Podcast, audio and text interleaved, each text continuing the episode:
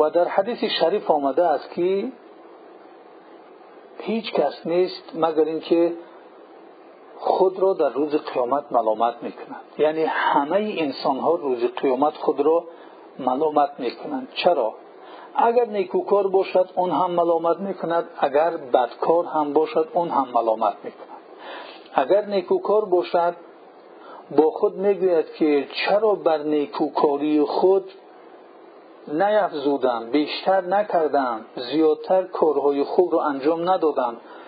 چون می‌بیند که هر یک عمل خوبی که انجام داد چی پاداش دارد چی نتیجه خوبی در اونجا داد بعد پشیمان می شود بعد ملامت می کند خودش را که چرا بیشتر می‌تونست انجام بدهد ولی کار خوب را زیاد نکرد.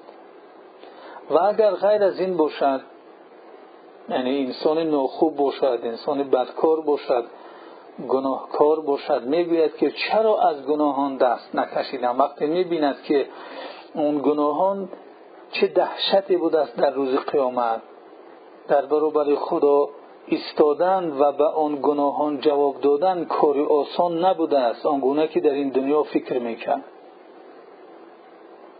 وقتی می‌بیند که یک ذره از گناه نوشته شده است یا ذره از گناه برای او تمثیل می‌شود در پیشش نمودار میگردد و می‌بیند که برای هر یک گناه چقدر جزایی مقرر شده است دیگر خود را ملامت می‌کند.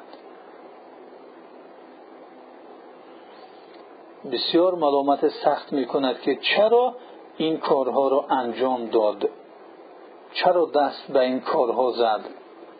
و این کار در وقت دیدن ثواب و عقاب یعنی پاداش و جزا خواهد یعنی انجام گرفت.